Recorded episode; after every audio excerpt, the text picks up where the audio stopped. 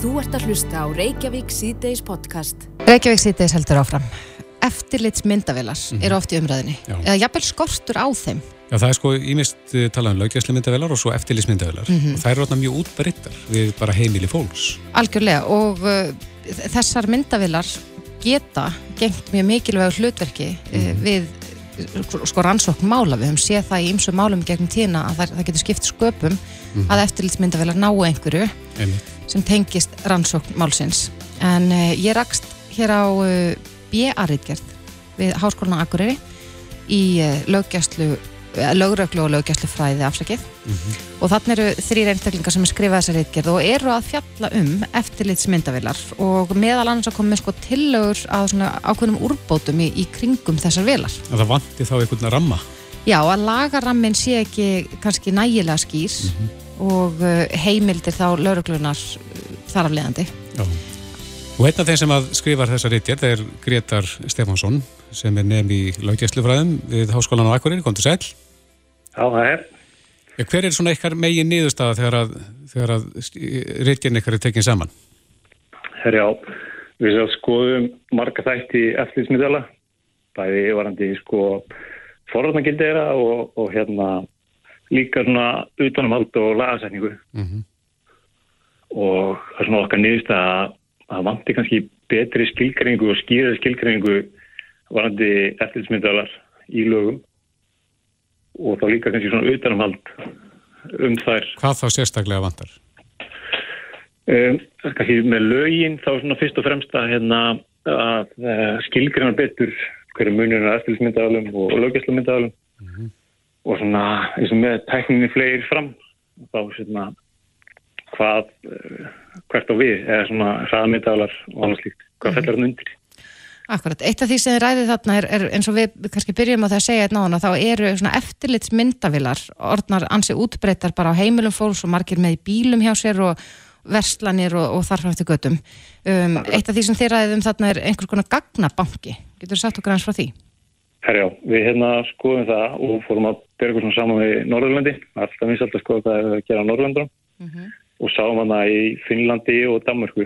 Þá er sérstaklega lögurlega þar hefur sérstæðan gagnagrunn utan um eftirlitsmyndalar og þá er það bæði svona, það er svona portagrunnur þar sem að, að hérna, myndalar eru mestar inn á, bæði myndalar hjá stopnunum, fyrirtækjum og einstaklingum og þetta er svona eitthvað sem við uh, sáum sem væri kannski hægt að nota hér í Íslandi að svona grunnur uh, ætti að hérna, spara mikið tíma og mannafla við rannsóknum sagamála. Myndi það þá auðvelda lauruglunni að finna út, sko, uh, maður hefur man alveg eftir því gegnum tíðina þegar að verið er að rannsaka ákveðin mála að það er svona óskað eftir uh, upptökum úr eftirlitsmyndavelum hjá almenningi. Myndi Já, þetta þá í raun og veru klippa það skref út úr jöfni? Já, það er svona okkar maturlan að við skoðum þessu að ef við lögreglun hér á landi væri með svona grunn sem við getum leitað í, við getum bara að leita út á vettvangi brots og þá getum við séð á þessum grunni hvar myndalar væru nálegt vettvangi. Þá í grunninu væri þá líka upplýsingar um tengiliði við þá sem eiga myndalans eða þjónustu myndalans Mm og þá myndi stýtt allt þetta ferli. Þá er þetta að spara tíma og, og hérna, já, það tekur oftast mjög langa tíma að hafa upp á. Já. Þannig að því segjum það ef eitthvað er með eftirlitsmyndafilið heimili sitt að þá getur hann skráð sig hjá ykkur eða í þennan gagnagrunn og jafnvel sendt þá stjáskott sko yfir það svæði sem að vélina er. Já, sko, við vorum kannski að fara svona aðeins og rólegri í sækinar.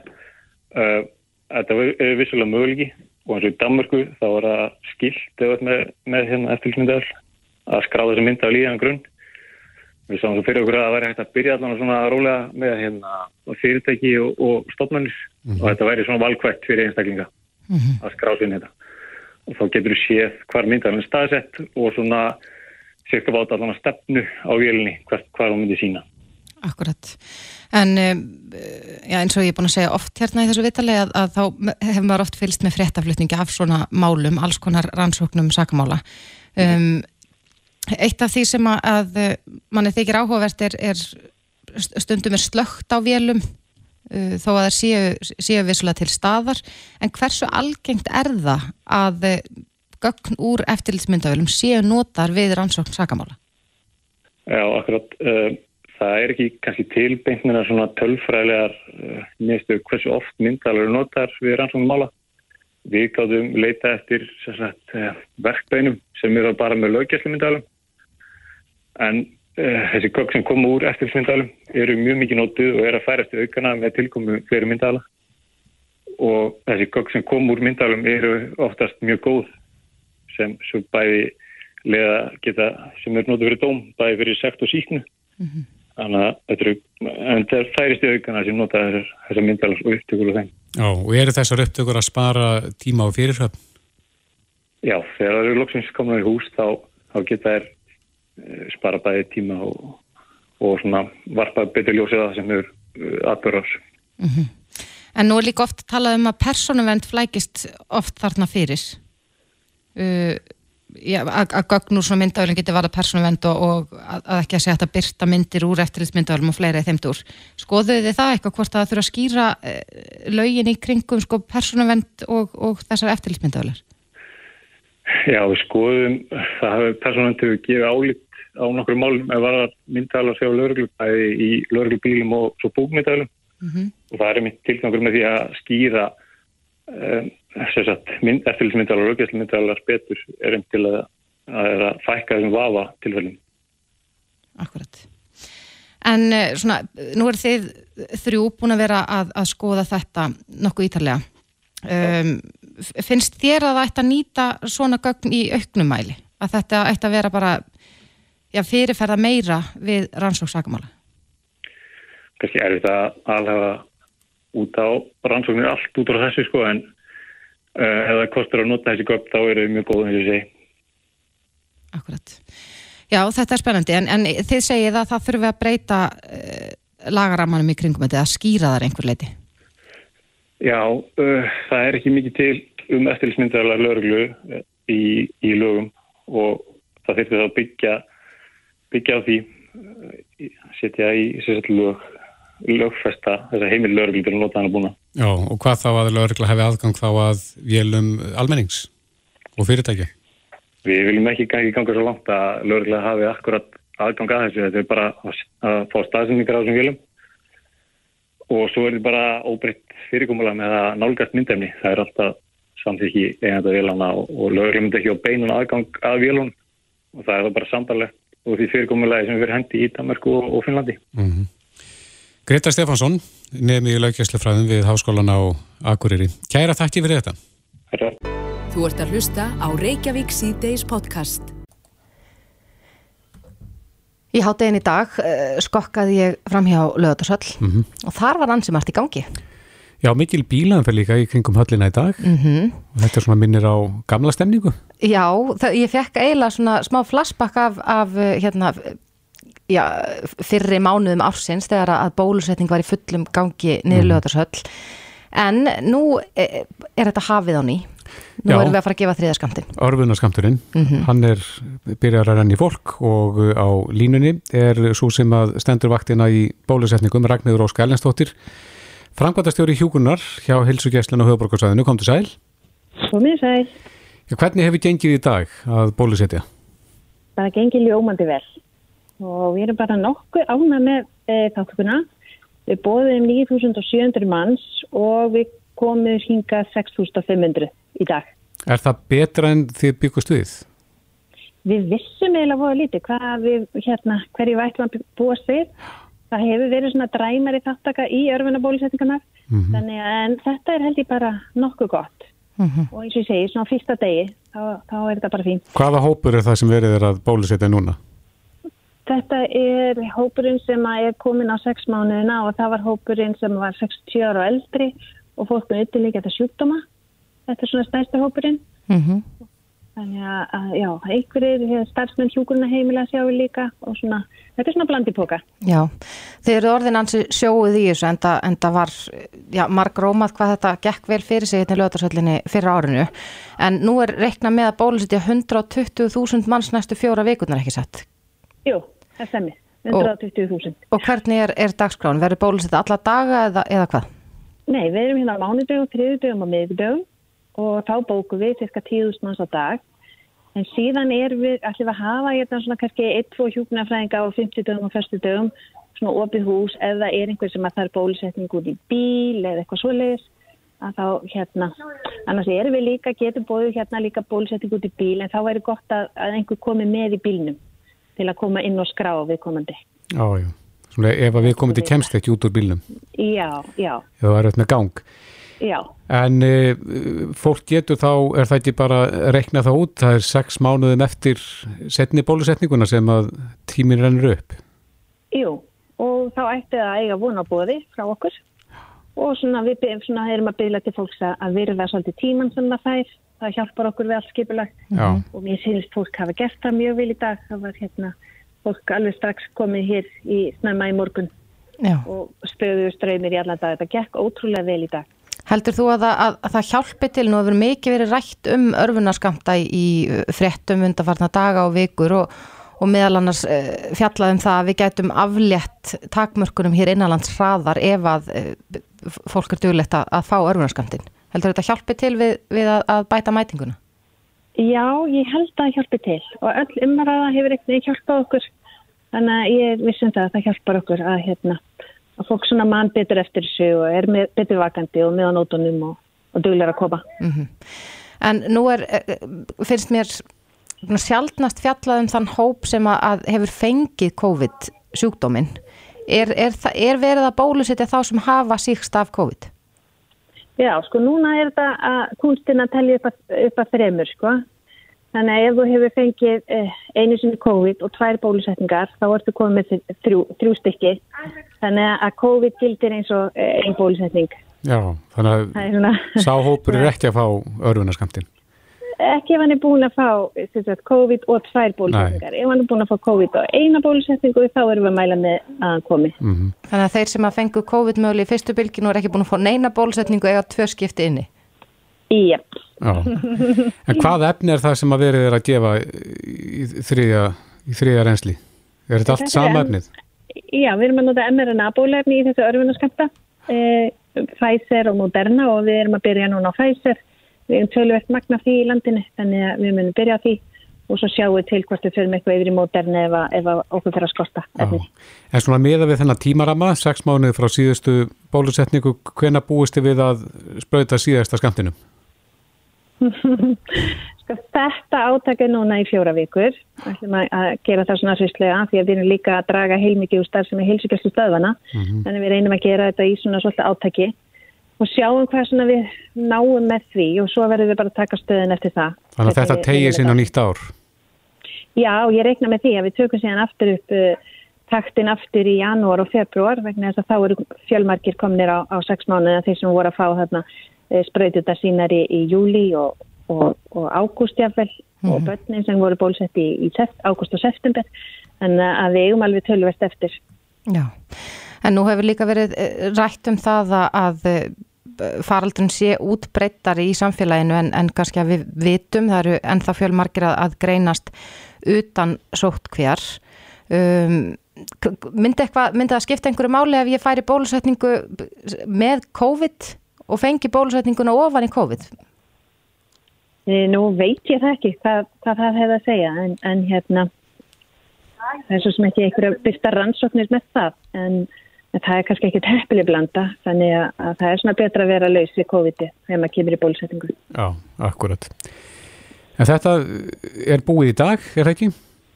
Jú, við erum búin í dag, erum að loka og hérna allir búin að standa svo ótrúlega vel hér í dag við vonum svona eins og segi, renna svolítið blind í sjóin en mm. erum bara þakklátt fyrir þessa mætingu sem kom. Og haldið áfram á morgun? Höldum áfram á morgun, jöps, alveg ótröð eins og við segjum svolítið núna, allt er þegar þrennt er Einmitt. Ragnir Rósk Erlendstóttir, frangotastjóri Hjúkurnar hjá Helsugæslinn og Höfubrókarsæðinu. Kæra þakki fyrir spjallið. Já, það var mynd. Þetta er Reykjavík C-Days podcast. Samgöng og sveitastjórnar á þeirra hyggst leggja fram frumvarp sem að heimilar fólki sem er í ja, viðkvæmri stöð ef ég skildir rétt að afmá napsitt og heimilisvangur þjóðskrá. Akkurat, þetta er vist gert til þess að vernda viðkomandi fyrir utanakomandi hættu og þetta getur verið til dæmis í þegar að umra ræða þólendur ofbeldis eða þólendur eldis hella mm -hmm. en á línun hjá okkur er samgöngu og sveitarstjórnar á þeirra Sigur Ingi Jóhansson, kom til sæl. Já, komið sæl. Hvers vegna var eh, ákveðið að fara þessa leið?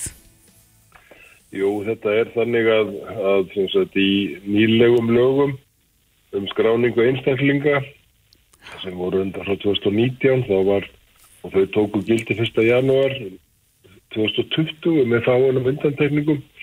Einn þessara undantekninga er þetta atriði sem er þá sett fram til þess að, að fólk sem að einhverju hluta vegna þarf að þarf að geta farið ég, ég var að segja, huldum höfði að einhverju leiti í augum allavega einhverja mm -hmm. að það sé ekki nöðsynlegt að það getur semst sótt um það með raukstutum hætti að, og framlagningu einhverja gagna um að upplýsingum um nafn eða lögheimili eða aðsildur og nánustu fjölskyldu verði ekki miðlað úr þjóðskrá mm -hmm. og hún, þessi vend myndi þá gilda í, í eitt ár nema hlutægandi aðili óski þess að hún sé fælt niður sem stýst á í senn og þjóðskrá getur framlengt vendina í alltaf eitt ár ef að sérstakar aðstæður eru fyrir hendi og við getum alveg ímyndað okkur að að slíkar aðstöðar geta komið upp í meður. Akkurat. Þannig að þið sjáu þetta sem tímabundna uh, ráðstöfun fyrir einstaklinga sem að já, eru í einhvers konar auðvitað að koma til hættu. Eiga hættu á því. Já, ég raun og veru og, og, og í þessu í þessar regluger sem er sem sagt núna á samráðskáttinu og, og hérna hefur við ekki aðsegl ykkar að þá er einmitt þess að það er gert ráð fyrir og reglugerðin er í samráðskott uh, og það er semst markmiðið að það gildi þá næsta áramót og þar þarf þá fólk einmitt að fá staðfestingu frá lauruglu um, um, um slíka hættu sé að ræða þannig að réttmætt sé og eðlilegt að nafn og eða heimili sé döglið í þjóðskap. Mm -hmm.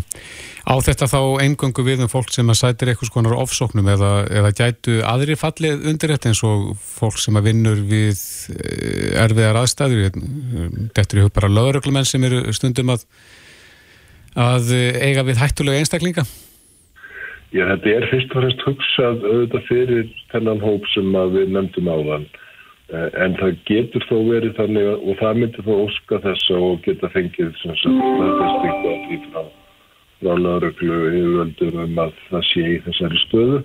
En það má líka hugsa sér og, og hefur, er í, í reglugjara draugunum að beðnin gæti komið frá lauruglu um þetta. En þetta er ekki einhver almenn heimild til þess að hvern sem er geti gert þetta sjálfsögð ekki. Hefur verið kallað eftir þessu úræði mikið?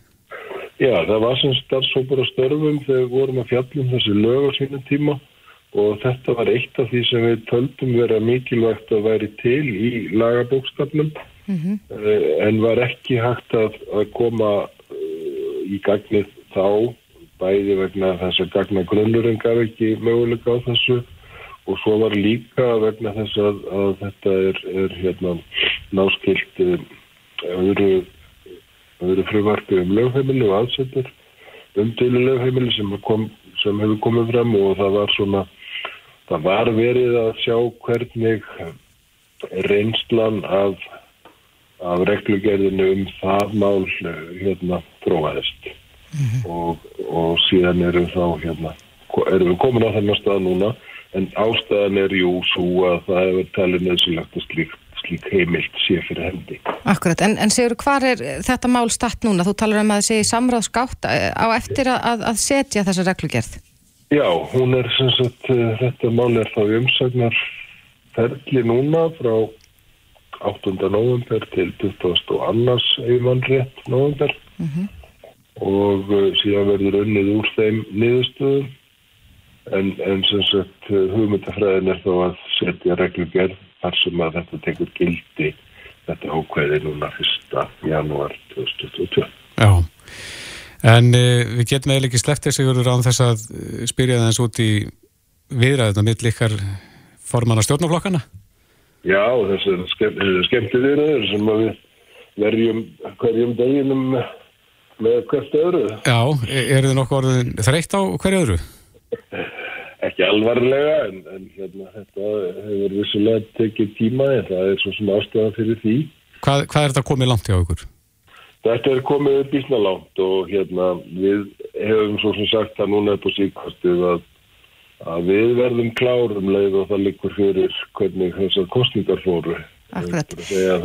Að. Þingmaður í stjórnar andstöðu skrifaði greinin á vísi.is í dag og, og e, talar um að, að e, þessar stjórnarmynduna viðraður séu orðnar þær næst lengstu í 30 ár og spyr hvers vegna tekur svona fáránlega langan tíma að endur nýja heitin. E, e, strandar þetta hreinlega á því að ekki er komið niðurstaða frá undirbúningskjörbrjánemnd? Já, við hefum sagt að það væri mjög, mjög sérstækt og, og gerist auðvitað ekki á Íslandi að það sé myndið að ríkistjórnum fyrir kostningar og í þessu tilviki og þá er ákveð verkefni ennþá í gangi á vegum þingsins og, og við erum gláð þegar það líka fyrir. En er annars allt klart? Ef að nefndir myndi skila sín á morgun væri þá stjórnarmynduna viðræður í höfn? Það kemur óvart ef þú kláruð það morgun þá þurftum við örgulega að gera eitthvað í kvöld en, en hérna Hvað er eftir við, núna? Við, við, við eigum lítið eftir. Er það skipting ráðanetta sem að stendur út af? Já og svona kannski finnir sér engar á ymsu þannig að þetta er svona við, eins og við hefum bara sagt þá gengur þetta eðlulega fyrir sig. Við lögðum í mikla vinnu upphálega að fara yfir hluti sem við hefum ekki náð saman um á þessum fjórum árum og tekur eðlulega tíma en síðan hefur líka bara verið að, að hérna, vanda til verka. Þannig að, að það sé skipt hvernig verkefnin verði unnin næstu fjögur ára því marki sem við getur hort svo lágt Já, eru stóru málinn klár og frá svona í viðræðum ykkur á milli? Já, ég held að mig alveg segja það við séum svona frekar í, í því að að hérna leggja svona lokahand á, á ímislegt í textanum Mm -hmm. og samhliða því þá þurfum við þetta líka þá að fara í að skipta verkefnum á millakar. Getur þú sagt okkur eitthvað um skiptingur ráðanetta? Nei, það gildir nú ekki í dag. Nei. Það mátti reyna, en við býðum öll Mátti spennt. Já, við býðum öll spennt eftir fréttum bæði frá undirbúningskjörbræðanemnd og, og frá ykkur í, í ríkistjórn Sigur Ingi Jóhansson, samgöngu og sveitastjórnar á þeirra. Takk kærlega fyrir þetta. Takk sem leðis. Reykjavík síðdeis á Bilginni podcast. Jæja, Reykjavík síðdeis. Uh, við ætlum að líta þess á húsalegu markaðin en uh, Guðmundur Raffn Argrímsson reytar grein á samt uh, félaga sínum honum Ingo Ómari Sigvartsinni inn á uh, kjarnan. Það sem þeir fara eins yfir legumálinn og þessi grein ber fyrirsögnan leigjandi að sá sem kaupir íbúð fyrir annað fólk. Og Guðmundur, Raffn er komin, velkomin. Takk hérlega fyrir. Uh, er þessi, já, í fyrsta lagi samtökin, samtök leiðanda, er búið að blása nýju lífi í þessi samtök? Já, aldeilis, það er, við erum búin að sagt, endur reysa þau og þau hafa alltaf verið til en við höfum hópur fólki sem stöndum að því að endur reysa þau og höfum verið að sapna félögum og, og, og það hefur bara gengið ofbáslega vel en það eru leiðendur tugjur þúsunda. Er, er, er komin eitthvað tala á þá? Eða? Já, ég veit ekki hvernig talast endur en það bættust við bara þarna fyrstu tögunum mörg hundru manns og ég hef ekki fylst með því en, en hérna ég hvet bara leyendur til þess að fara inn á heimasýðu samtakana leyendarsamtökin.is og, og skrási í félagið. Mm -hmm.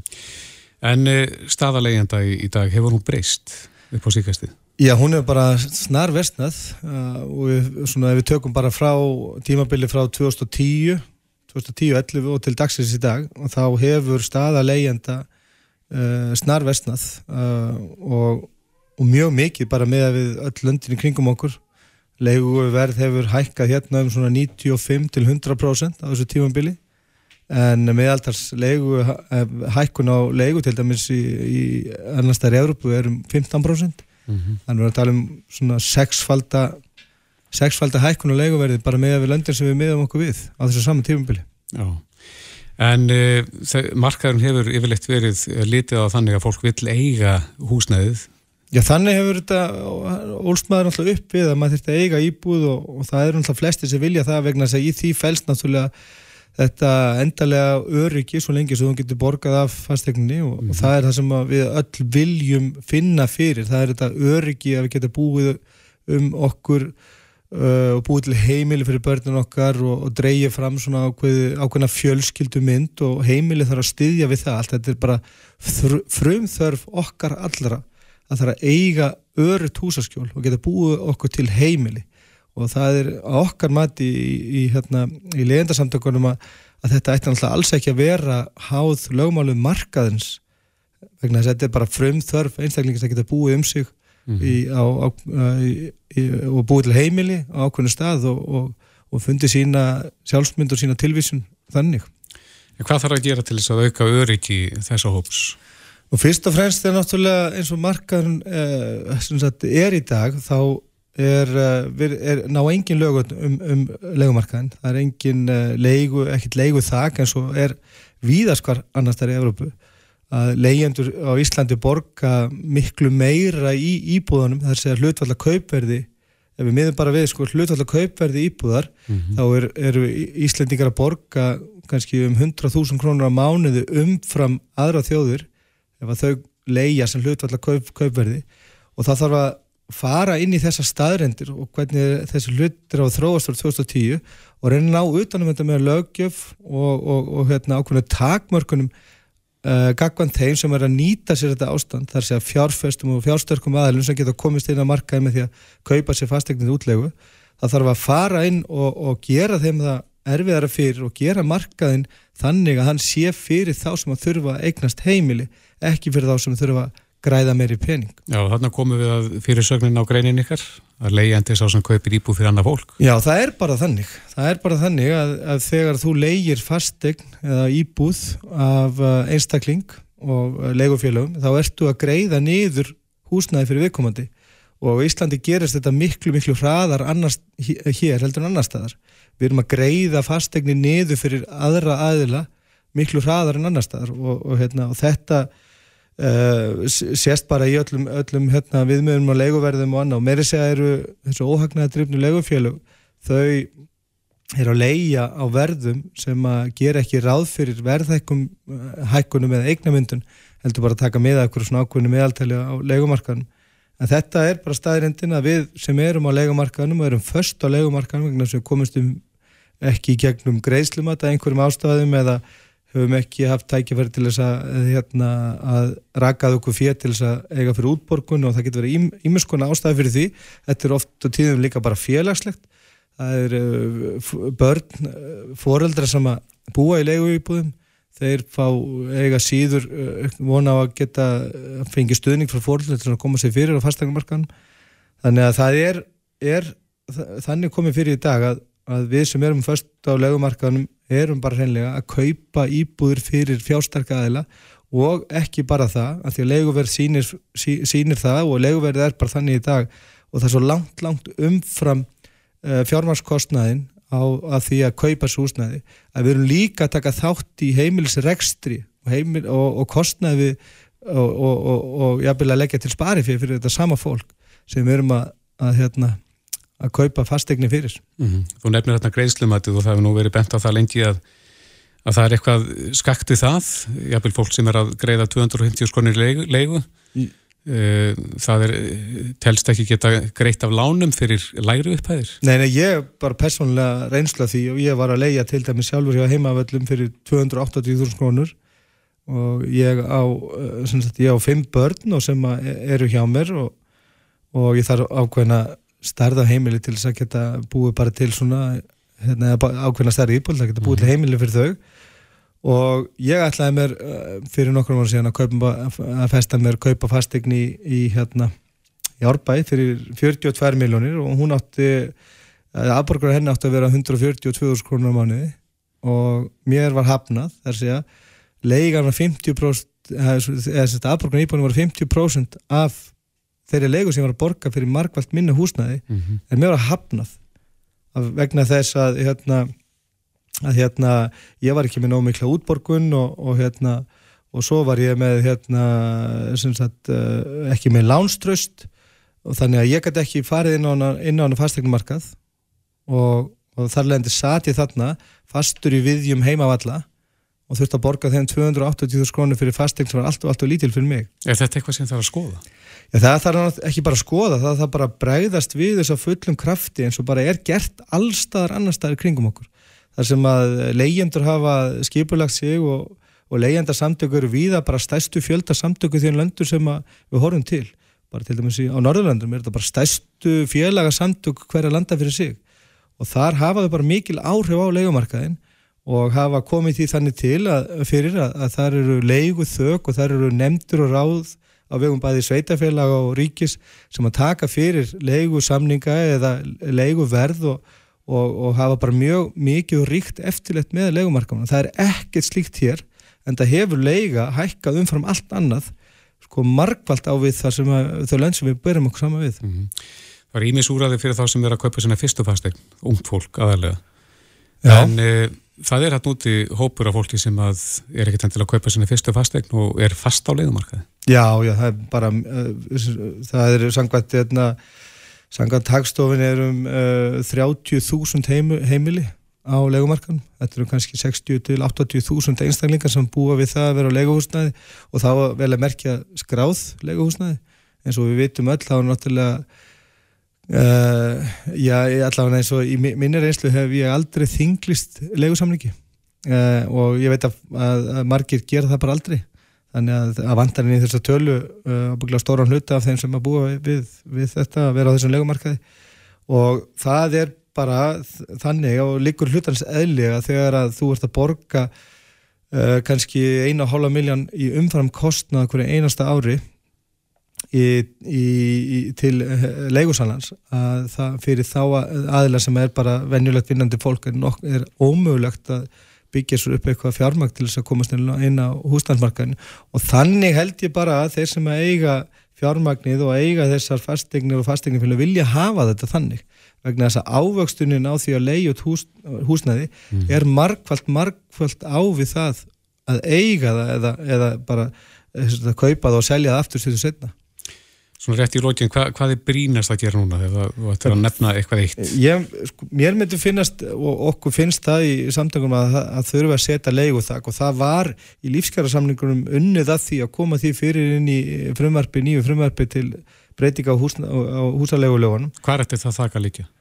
Já, það ætti þá að taka mið af uh, sagt, bæði fjármarskostnaði og, og, og einhverjum hæfilegum viðhalskostnaði og, og hérna frádregnum náttúrulega fastegna gjöldum og það gjöldur sem að koma til, til fastegna eiganda og svo bara að, að þessum uh, hæfilega þessum kostnaði við það að reyka húsnæði mm -hmm. og við erum að, að búa til reiknivél sem tekur bara með að því hvernig þessar reiknivélar eru annar stað vegna það eru til á netinu í hundratali í borgum vísfæðurum Európu og þar eru þessi mælikvarðar mjög svipaðir allir saman og með að við þessa mælikvarðar þá ætti um, til dæmis húsnæði sem er leikt á yfirleitt á bilinu 280-300.000 krónur í dag.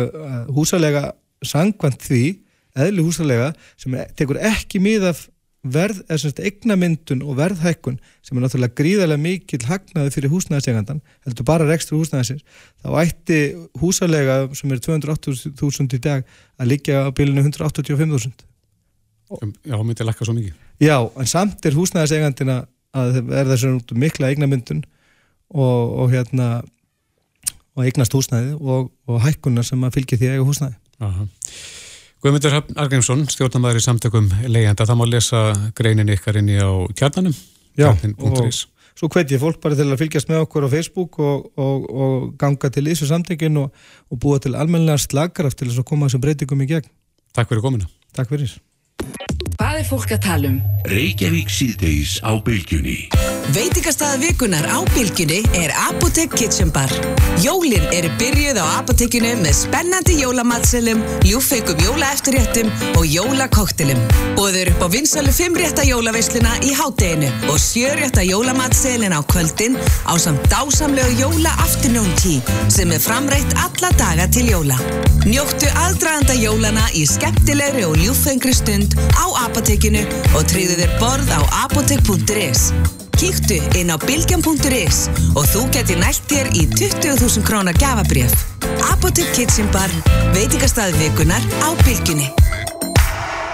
Ég nýt þess að ganga, finna fyrir náttúrunni og upplifa kyrðina. En á gunguskíðunum, þá nýt ég þess enn betur. Gekkisport. Stingum af. Apple AirTag er komið í Vestlanir Eppli. Að týna liklum, veski eða einhverjum hlut er liðin tíð.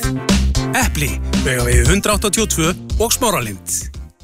Hraðhrif, hraðhrif, hraðhrif. Bílafáttastöðin Lindin, bæelinn 2. Bílinn þinn á það besta skil. Seilún vetradekk. Fyrir þá sem vilja háma skripp, við erfiðar aðstæður, Seilún um land allt. Málmaendurvíslan aðstofar þig við flokkun á brotamálmum. Kynntu þér þjónustu Málma á málma.is. Úti, eftir Ragnar Jónasson, er sálfræði trillir í hæsta gæðaflokki. Veröld. Þetta snýst allt um fólk. hrmonitor.com Nú fylgja sólgler með markskiptum glerjum. Pro-Optik kringlunni, Pro-Optik spönginni. Undirbúningur jólana hefst í Bíkó. Reykjavík síðdeis á bylginni. Já, Reykjavík síðdeis, það hefur nú lengi verið talað um þetta svo kallar meðalhraða eftirlitt Mhm. sem að mælir meðalhraða bíla millir tveitja myndavila. Já, þannig að nú dugur ekki lengur bara að hæja á sér þegar maður keirir fram hjá myndavélunum. Nei, nei. Þetta virkar vist þannig að, að já, þetta eru tvær myndavélur og það er mælt meðalhraðan á milli þeirra tvekja. Já.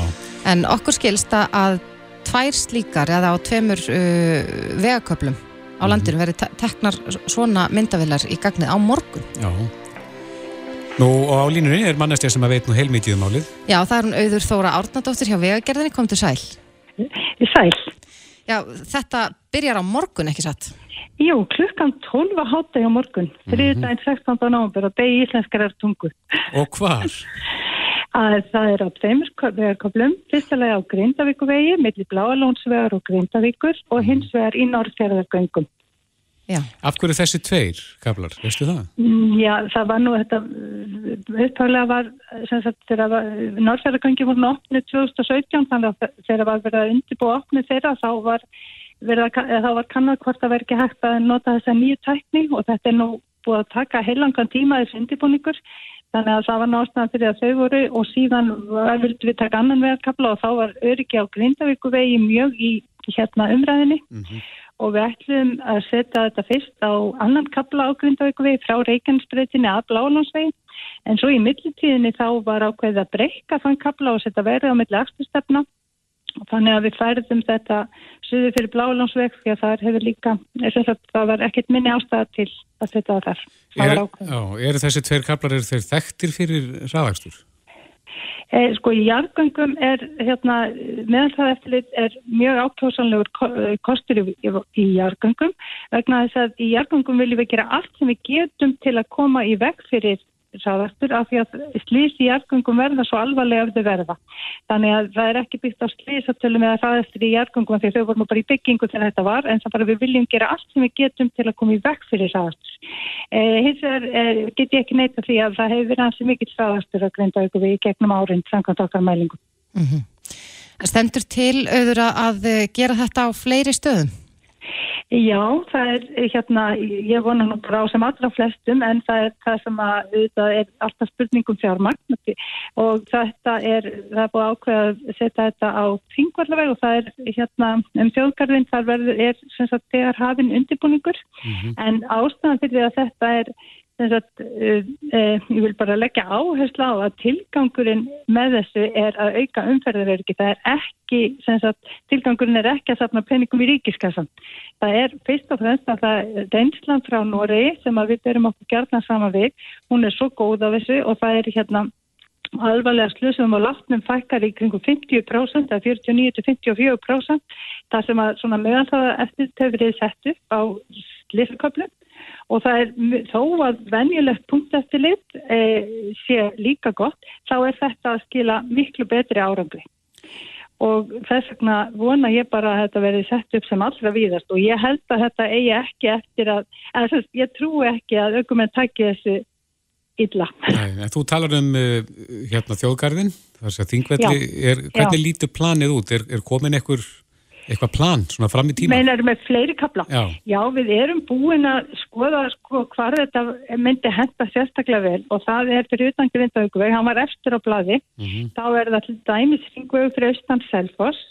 Við erum reyndar komin þar með hefðandi punkt eftirlit í báður áttir Þannig að, en það er sama, það er kapli sem var mjög ofalega á blaði og svo er annar kapli sem var ofalega, það er agrafjálsvegurinn sem sagt þegar maður fer, kemur upp úr kvalfæragöngunum og fer beint til agranis, Mhm. sunnan agrafjáls, vestan og svo er eitt kapla á Ólasverðavinum sem hendar mjög vel og síðan á Ringvegi í hérna í grendi Kúðafljótt frá Skaftártunguvegi að Þývinnesvegi, þetta eru kaplar sem voru svona topp 5 Já, en þú talar um þetta sem sérlega hendt út í jarðgöngum, hvað með kvalfjöragöngin? Já, kvalfjöragöngin eru náttúrulega, það var gott þú hérna myndi mig á þetta, þau eru sá staður, ef að ég mætti velja einhvern einn óskakabla, þá myndi ég byrja þar. Mhm. En hvað er þetta langir kaplar? Þeir eru eh, mislangir, kaplinn á Grindagvegi er rúmlega 3,5 km en hérna kaplinn í Norrfjörgöngunum er um, um réttur rúmur 7 km en er, þetta er mjög segjanlegt, það er algengast í Noregi að þeir miður við 2 til 10 km en það er í rauninni það sem setur þessu skorður er að þeir geta í rauninni verið mjög langir en ef það koma stór vegamót inn á kaplan þá náttúrulega hendar þetta ekki því þá myndi eh, sem sagt kannski hluti umferðarinnar aldrei fara fram hjá báðum myndavélunum af því að þá myndi þetta í út á vegamótum. Auður ég grínaðast nú aðeins með það hérna upphafi að nú getur maður ekki lengur bara hægt á sér þegar maður kerði fram hjá myndavélunum. Er það ykkar tilfinning að svo sé lenskan hjá, hjá aukumönum? Sko, ég ætla ekki að fullir um það, en það er, maður hefur heilt um þessi svo kvöldu kengur áhrif að menn sjáður hraðamyndavel og negli niður og jafnvel segja sumir þetta hafi valdið aftan á kesslum. Þannig ég er ekki nokkrum vafa um að hérna, þetta er örugara fyrir alla menn séu bara á jöfnum löglegum hraða af því, fyrst og fannst vegna þess að hraði hefur svo mikil áhrif hann hef, á, í samband við umferðir er ekki.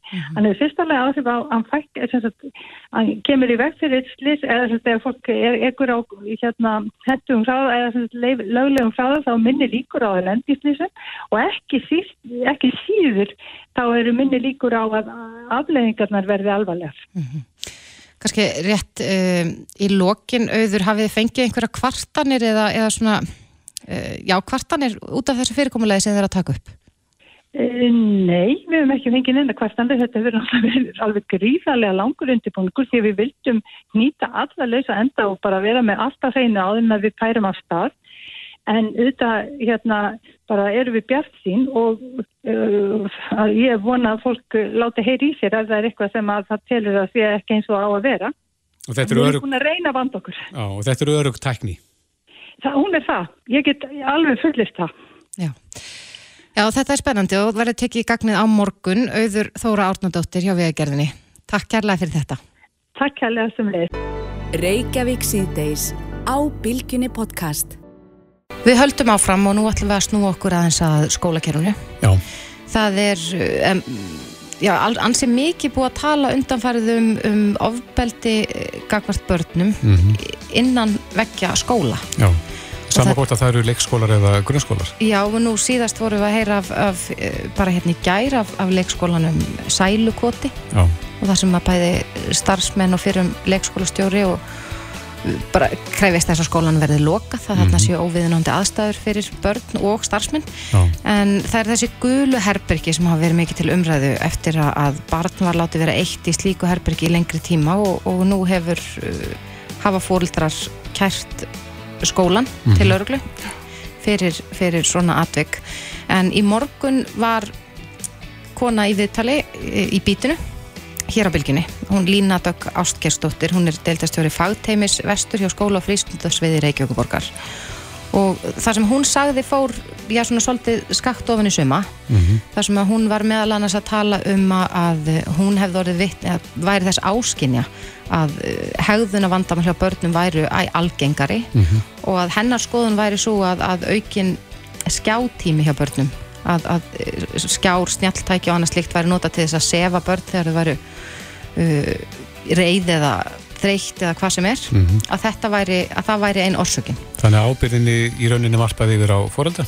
Já, svo lítið Á línunni er Alma Björk Ástóðsdóttir forsprakki hópsins Sagan okkar sem hefur haldið þessum álum svolítið á lofti, kom þú sæl?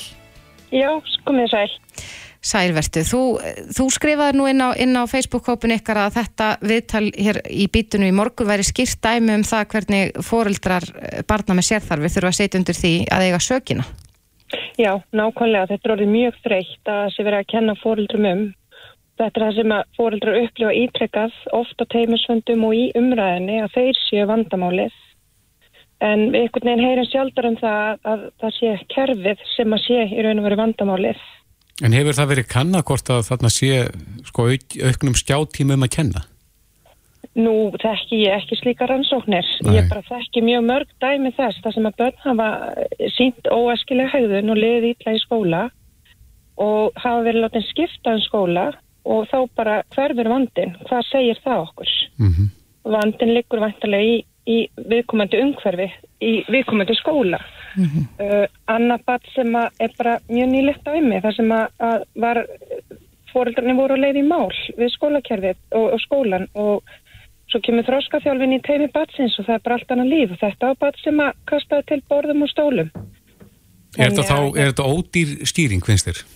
Mjög svo, þú veist, það er mögulega einhverju um að kenna um, í einhverjum tilfellum. Ég samt veit ekki hvort það sé sangjant að segja það að skjáttími sé valdurinn af því að barni líði svona óbúslega illa í skólanum. Það er líka eitt sem að mér smikilegt að hafa í huga í þessari umræðu. Um, við erum hérna alltaf með orsök þegar barni líður illa í skóla. Annarkvort er ekki búið að greina barnið eða það er að glíma við kvíða eða það er einelti og ég vil einelti sem enginn er að taka eftir. Það vilja öll börn gera vel. Þannig að þetta er, þetta er svolítið svona verið að setja umræðan yfir á óþekku börnin sko. En nú hafa þessi mál verið mikið til umræðu og þessi svo kallu gulu herbergi. Um, og nú hefur mentamála ráð þeirra já, talað um það að, að, að hún hefði byðlað til skóla að, að nota ekki slík herbergi. Einmitt. Um, heldur þessu sé ekki fyllt eftir? Nei, þessu náttúrulega hefur ekki verið fyllt eftir, við vitum það, við erum bara með dæmin svart á hvítu, við erum með verklaði svart á hvítu og við erum með atvikaskráningar sem eru bara svart á hvítu, þetta eru bara, þetta er staðrendin og það, mér finnst metamálar á þeirra ekki geta fría sig ábyrð með því að segja svona, hvar er eftirlitið? Af hverju fylgdi metamálar á þessu ekki eftir? Hvenær var það sem að, þessu var beint til skólana að nota ekki slík herbergi? Mér skildist á hann að það hefði verið eftir að umbúsmaður alþingis fór að stæði fyrra að kanna þetta eftir að hafa fengið ábyrningar frá fóruldrum. En, en hérna, svo eru svörin sem berast þessa eðlis að þeir sko leggja máli niður. Eða svona, er ekki, ætla ekki að taka það áfram. Þanga til að þeir rekast á þetta verklag um guðla herbyggið. Þá er þetta tekið upp aftur. En Alma, nú hefur þú fengið eh, fjölda uh, margar sögur sendar til þín af, af vanrækslu í íslensku skólakerfi. Já. Hvar þarf að byrja til þess að bæta þetta ástand sem hefur skapast? það þarf að setja fagæðila inn í skólana, inn í aðstæðana. Það er ekki nóg að þessi fagæðila setja á teimisfundum. Þeir þurfa að setja og horfa á um, aðdekinn sem er að gerast í skólanum, lesa í þessar aðstæður. Þeir hafa þekkingu og grunn sem að aðrir hafa ekki. Kennarar eru sérfræðingar í að kenna en þróskaþjálfi er, hegðun, er sér, sérfræðingur í þróska badna. Og, og þetta, þetta þarf bara, þetta fólk þarf að vera á gólfinu með kennurunum inn í aðstæðan. Eigum við nú marga fagaðila til þess að geta sint öllu Nei. Alls ekki, það sjálfsögð ekki. En mentamálaráðaniti setti alltaf fullt í það að efla kennaramentun og styðja við kennaramentun þegar það hefði kannski, já allavega samhliða þurft að styðja við mentun þessara fagaðila. Við þurfum einhvers þar að byrja. Þannig að við, við byrjum á því að taka þessi ákverðin og þessir fagaðilar eigi að vera inn á gólfi. Svo fyrir við að efla mentun þessara fagaðila og styrkja þessa mentun þannig að við fáum fleiri útskrifaða. Já. En við getum ekki ætlast til þess að sko við erum að taka börn uh, með alls konar greiningar og fallanir inn í almennt skólakerfi í hendurnar af fólki sem hefur enga reynslega þekkingu. Það fær ekki eins og hérna, fræðslumit í náminu sínu. Ég held að sé einhverju tíu einingar í öllu kennaranámi sem fjallar um uh, börn með sérþarfir, börn á rófunu, börn með ADHD. Þannig að þessi, þessi sérfræðingar, sko, kennarar eru ekki sérfræðingar í þessum málum. Þú hefur, þið hafið haldið þessu lofti í þessum hópi, sagan okkar, í Mhm. dágóðan tíma núna. Mhm. Verður eitthvað lítið ágengt? Já, mér finnst þið hafa fengið mjög litla umfjöllun. Mér finnst aðeins svona eins og samfélagi sé að vakna eftir þessi ömulegu mál er að koma upp og ég viðkenni það að sjálf gerði mér ekki grein fyrir því hversu stóra drega við varum að berjast við þegar ég hóf þess að baráttu í vor en uh, mér finnst mjög skrítið hversu miklu tómleiti við mætum af hálfu yfirvalda á sama tíma og það er verið að tala um að gera Íslanda barnvænasta samfélagi heimi að þá er verið að hunsa ofbeldi gegn börnum í skólakerfinu. Við erum ekki að tala um eitt dæmi, við erum að tala um mörg, mörg tilfelli. Mér finnst bara komin tími til þess að fólk og stjórnböld fari að opna augun fyrir þessu uh, hætta að horfa í það að þetta sé uppeldin að kenna eða fóreldrunum að kenna og bara horfast í augu við eigin vanda. Að benda á að þetta geti verið uppeldin að kenna er svona álíka eins og að segja við konu sem að býr við heimilisofbeldi að hún hefur bara þrýfa betur. Þá verði ekkert ofbeldi. Þetta er bara ekki hægt og þetta er ekki hægt að bjóða fóreldrum upp á þetta lengur. Þetta er ástæðan fyrir því að fóreldrar hafa verið hrættir og feimnir við að stíga fram vegna þess að þau gang undir því að þeir séu slæmir fóreldrar. En staðrindin er svo að þetta eru fóreldrarnir sem hafa kannski gengið hvað lengst í uppeldi batna og oft miklu lengra heldur en þessir fagaðelar. En Alma, nú styttist aldeilis, eða vonandi, ég hefur fyrir að sjá nýjan stjórnarsáttmála. Ertu bjart sín á það að, að já, þessi mál og, og málefni barna verði tekin fast fyrir þar? Nei, ég hef enga trú á því, því miður. Ég hef enga trú á því að, hérna, að e, þetta breytist með nýjum stjórnarsáttmála. Nei, því miður. Ég veit ekki hvað það er til. Ég horfi bjarsinn á það að eitt mál eða tvö fari fyrir domstóla og ég vona að það þurfi ekki að fara lengra en eh, fyrir domstóla Íslandi en, en ég held því miður að það þurfi þannig raskell til þess að fólk vakni. Allavega það er mín tilfinning eftir að hafa stöðugt kallað og verið með ákall til stjórnvalda og mætt bara þegjandi tón sko. Já, við sjáum hvort að eh, yfirvöld vakna til lífsins í þessu máli. Alma Björk Ástórsdóttir, fórsprakki hópsins Sagan okkar. Takk kærlega fyrir þetta. Takk sem leið. Hlustaðu hvena sem er á Reykjavík C-Days podcast. Já, við höldum áfram hér í Reykjavík síðdeis. Já, uh, í, í kvöldþættum stöðvar 2 í gær þá var rætt annars vegar við um, konu í Hollandi og aðra í Danmörku og það var verið svolítið að bera saman svona hvað takmarkanir eru í gildi Já. og þar var meðal annars minnst á Östuríki og við höfum nú minnst á það áður hér en Östuríki uh, varð skilst mér, fyrst Európaríkja til að setja á útgöngubann fyrir óbólusetta einstaklinga og sömulegis fyrsta Európaríki til að hefja bólusetningu á börnum gegn COVID-19 allt niður í fimm ára. Mm. Það er svolítið verið að ræða þetta viðsögur í Európu, uh, hvort að það eigi að uh, herða hens tökin og þá vantarlega verða þeir óbólusettur svolítið undir í því. Já, algjörlega. Við spurðum nú að þessi viðþórskonun hér í síðustu viku Mhm. hvort að, að já, fólki, lesendum vísis og, og hlustendum bylgjunar þætti að, að það ætti að meina þeim sem eru óbólusettir eh, aðgang að viðburðum eins og tónleikum og veitingustöðum og annað slikt. Já, það var mikill meilhutti fylgjandi því. Já, Mm en uh, stjórnveldi Östuríki hafa verið gaggrind fyrir þetta og uh, sömulegis hafa þá margir í Vínaborg reynilega verið að mótmæla þessum aðgerðum og, og talað um skerðingu og frelsi og annað slikt. Nú á línunni er Erla Erlingsdóttir, hjúkunarfræðingur hjá Alþjóð kjarnorkumálastofnuninni sem er staðsett í Vínaborg í Östuríki. Kom til sæl. Já, sætla blessaður. Eh, Erla, þú ert búsett í Vínaborg. Eh, Hvernig er umræðan um þessi mál svona í kringum þig? Er, er fólk almennt á móti því eða með því að, að setja á útgöngu bann? Ég væri nú að segja vinnandi í alþjóða geiranum, finnandi fólki frá öllum löndum. Ég finnst fólk almennt hafa verið um, svona jákvæð, gagvæð bólusetningum hér hjá okkur. Og uh, en hins vegar er það staðrind að það eru 40% fullorðina í Östuríki sem að hafa ekki vilja þykja COVID bólusetningu. Og uh, það virðist vera eins og núna síðustu vikurnar að uh, þessi síðasta bylgja sé svo litið drifin áfram af þeim sem að hafa ekki látið bólusetja sig. Og svo bara er það nú samt líka að fólk sem að hefur látið bólusetja sig eða þegið þessar bólusetningar að þeir eru samt líka að smitast en lenda sjaldnast á spítala eða í alvarlegum veikindum. Og það er, hefur verið bara mjög erfitt einhvern veginn að fá fólk til að skipta um skoðun. Og þetta verið stjara orðið ansi svona polariserað svona fólk er mjög tvískipt í þessari afstöðu hvort að vill tyggja bólusetningu eða ekki. Og um, mér, ég veit það ekki, mér finnst persónulega eins og uh, þessar aðgerri stjórnvalda núna síðan í dag um, ekki endilega bæta það akkurat. Nei, er, er ekki mikil stuðningu við þessa ákvarðun? Sko að þeim sem að vilja þykja bólusetningu er náttúrulega mjög mikil stuðningur Mm -hmm. og, og ég held einhvern veginn persónulega að það sé erfitt, þetta sé bara mjög sorgleg aðstafa að þurfa að standa frammi fyrir því að sko að skipta eh, þjóðinni svona. Mhm. viltu bólusetningu, viltu ekki.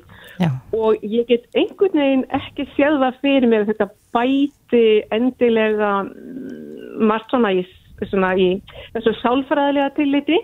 En hins vegar held ég nú að um, um, tilfellum vonandi muni fælka og, og það er náttúrulega þá allavega sko mjög, mjög mikilvægt Já, þetta er auðvitað mjög drastískar aðgerðir en með þessum takmörkunum verður bólusettum bannað að yfirgefa heimili sín og eins og þú talar um að þá er þetta já, 40% fullorðina uh, og, og eins háar sektir við, við brotum á útgöngu banninu. Já, sko, reyndar meiga allir og það hefur líka verið svoleiðis þegar voru svona mikla lokani. Fólk má fara og kaupa í hérna markaðnum, matanmarkaðnum. Fólk má fara til læknis eða, eða þá þegar það er að fara og fá sér bólusetningu. Að sinna þessu nöðsynlegasta.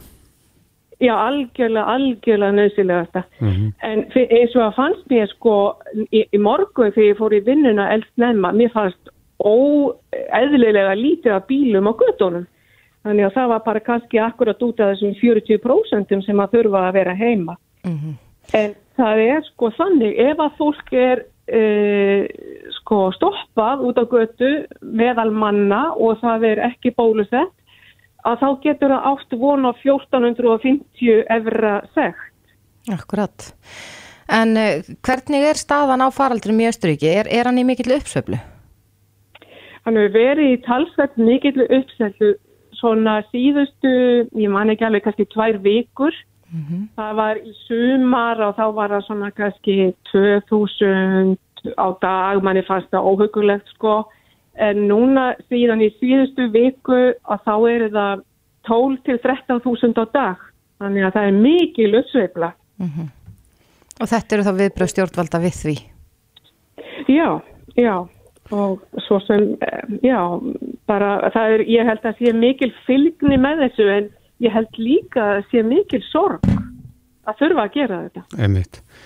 Þú sagðir hérna að sektin væri hvað 1450 evru, evrur, ég var nú að myndbreyta þess og þetta eru hvað 225.000 krónur tæpar. Það er bara Já, sektin fyrir að vera á ferð og bólusettur. Já, það er bara það sko. Aha. Og þetta eru miklu peningar, það er ekki sko eh, venjulega mjög há laun hérna í Östuríki. Nei, en það hefur eh, mikið verið talað um það að við Íslendingar tölum ofbúslega mikið um kórnuveruna, að fjölmiðlar fjalli jafnvel of mikið um þetta. Er, er staðan eins í Östuríki? Er, er mikið talað um þetta, eh, um faraldurinn bæði í fjölmiðlum og, og bara inn á kaffestofum sinna? Vistu, mér finnst bara síðasta eitt og hálf árið, ég bara heyri varlega annað. Eh, Þetta er, talað um þetta allstaðar. Í strætó, í búðinni, í, á göttunum, á kaffistöðum, allstaðar. Já, þannig að við erum ekki, ekki eina báti hvað COVID umfyllun varðar hér á Íslandi. Nei, nei, alls ekki og það er nú svolítið í þessum, þessari vinnu sem ég er í að, að hérna, finna fólki í alþjóða geiranum. Það er hérna alltaf eitthvað í gangi og það er mikill kvíði í gangi og svona kvíðadrifin umræða ég bólusetningur með tvö og hvenar fæ ég bólusetningur með þrjú og hvenar fæ ég grænapassan og þetta og hitt er alltaf eitthvað sko. Mhm. Mikill kvíði svona og stress. En hér á Íslandi erum við að byrja að gefa þriðja skamtinn af, af bóluefni til allra sem eru uh, fullorðnir. Er, er staðan svipuð í Östuríki? Er, er byrjað að gefa þriðja skamtinn? það er alveg byrjað að gefa þriðaskaftin svona þeir sem eru að vinna í heilsugeiranum eða á læknastofum eða röntgenstofum og svona en hérna það fer svo litið eftir því hvað fólk er gamalt og ég held að það sé nú líka á Íslandi eh, ef að til dæmis ég sem að er 61 og ég þarf að býna sko nýju mánu, nei fyrir ekki að fyrir ekki að núna sex mánuði eftir þriðju sprautunni. Já, það verða líða sex mánuði frá svona annari sprautu eh, að þeirri þriðju. Já, einmitt. Já. Já, Erla Erlingsdóttir, hjúkurnafræðingur hjá Alþjóða kjarnorkumálastofnun í Vínaborg. Takk kærlega fyrir að spjalla við okkur. Þakka ykkur fyrir tækifærið og skekkur alls besta. Takk sömulegis, bless. Takk, bless. Þetta er Reykjavík C-Days podcast. Jæja, Reykjavík síðdeis. Ég veit að mörgum þykir hambúrgarinn vera skoteldur. Það er einhvern veginn alveg sama hvernig maður fæsir borgara, hann hittir einhvern veginn alltaf í mark. Já, ég bara, fæ bara vatn í munum við það að hugsa um góðan hambúrgara. En uh, ég er svona típa sem verð, ég verði eiginlega bara matsár. Mm ef það, ef það er eiginlega orð sko ég held að þetta sé svona orð sem að flestir þekka að vera svona já fúl ef ég fæ vondan mat Mhm. og sérstaklega vondan hambúrgara sko, það á að vera erfitt að matreiða vondan hambúrgara en ég veit að það eru margir sem kvarta undan breskum borgurum sérstaklega sem Mhm. eru búinir til úr kjötfarsi. já ég, það var mjög eftirminnilega stund einhver tíma því ég var að koma frá London og fór inn á svona frekar fínan veitingastað á flugvillirindar Já. en pantaði mér þar bara einhver dýrindis borgar og hlakkaði svoleiðis til að borða einn Einmitt. mjög bræðgóðan og þá var þetta svona kjötfars borgari Já, ég hafa eh, sömu minningu, það er að segja um vondan hambúrgar á flugvelli Já. í Glasgow, minni mig. En á línunni er sá sem að veit einna mest um eh, borgar á Íslandi, það er hann Tommi sjálfur, nú er hann til þingmaður. Sætla að blessa Tommi. Halló, góðan daginn. Hvað er þetta með brettan á og kjötfarsborgarana?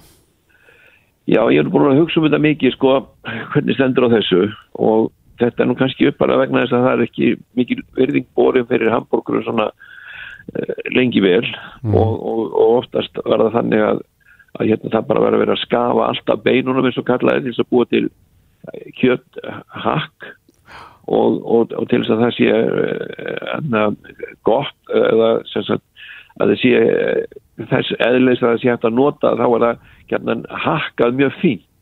Og, og svo þegar búið er að hakka þetta tvísvar, búið að skafa beinunum svona allt sem hægt er að nota.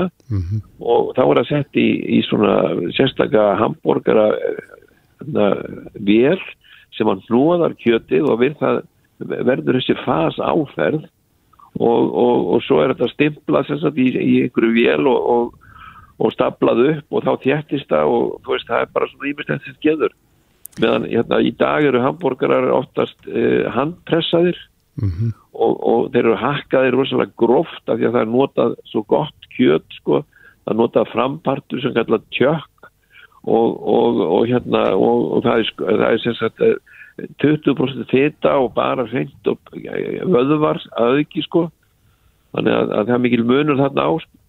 Já, þeir eru, eru þeir betri eftir því sem að þeir eru grófari? Já, eftir því sem kjötið er betra þeim er betra að hafa það sem grófasta Mhm. En, en af hverju ætli breytar séu ekki búin að átta sig á því að þetta sé bara reynilega ekki málið að, að hakka það svona fínt? Sko það er nú sko London er náttúrulega mekka matagerðar í, í Brellandi og, og, og, og það er svona eh, mjög víða hægt að fá mjög góð hambúrgar í London í dag. En, en þú talar um flugvellina og flugvellina hafa nú oftast komist upp með það að vera með svona einhverjar veitingarstarfsemi þar sem að menn svona gera þetta bara allt og ódýrast að máta því að kunnarnir kom og fara og þeir eru ekkert að stílina þá og fá kunnan aftur og aftur þannig að þeir gefa svona eh, kannski, ef við getum orðað á góður íslensku léttan skít í það hvað kunnanum finnst, það verður bara að borða það sem er í bóði Mhm.